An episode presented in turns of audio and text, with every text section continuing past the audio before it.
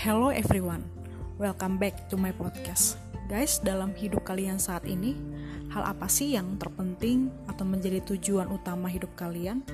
Apakah benar dengan memiliki keluarga yang baik itu cukup?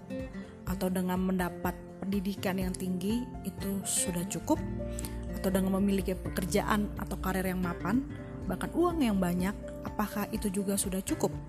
Atau dengan hidup yang selalu berjalan dengan mulus, atau sesuai dengan keinginan hati kalian, apa iya itu telah menjadi pencapaian hidup tertinggi kalian?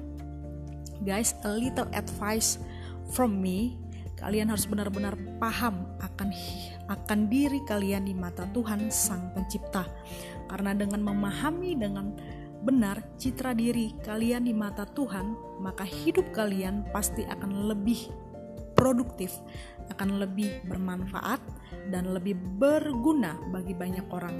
Dan hal inilah yang harus selalu kalian ingat ya guys, bahwa hidup kalian itu berharga di mata Tuhan. Hidup kalian itu dikasihi Tuhan. Dan ingat ya guys, bahwa diri kalian itu unik dan spesial. Karena apa? Karena semua orang yang diciptakan oleh Tuhan berbeda-beda dan pastinya gak sama ya guys. Bahkan Tuhan ingin selalu menjadikan diri kita ini berkat bagi banyak orang.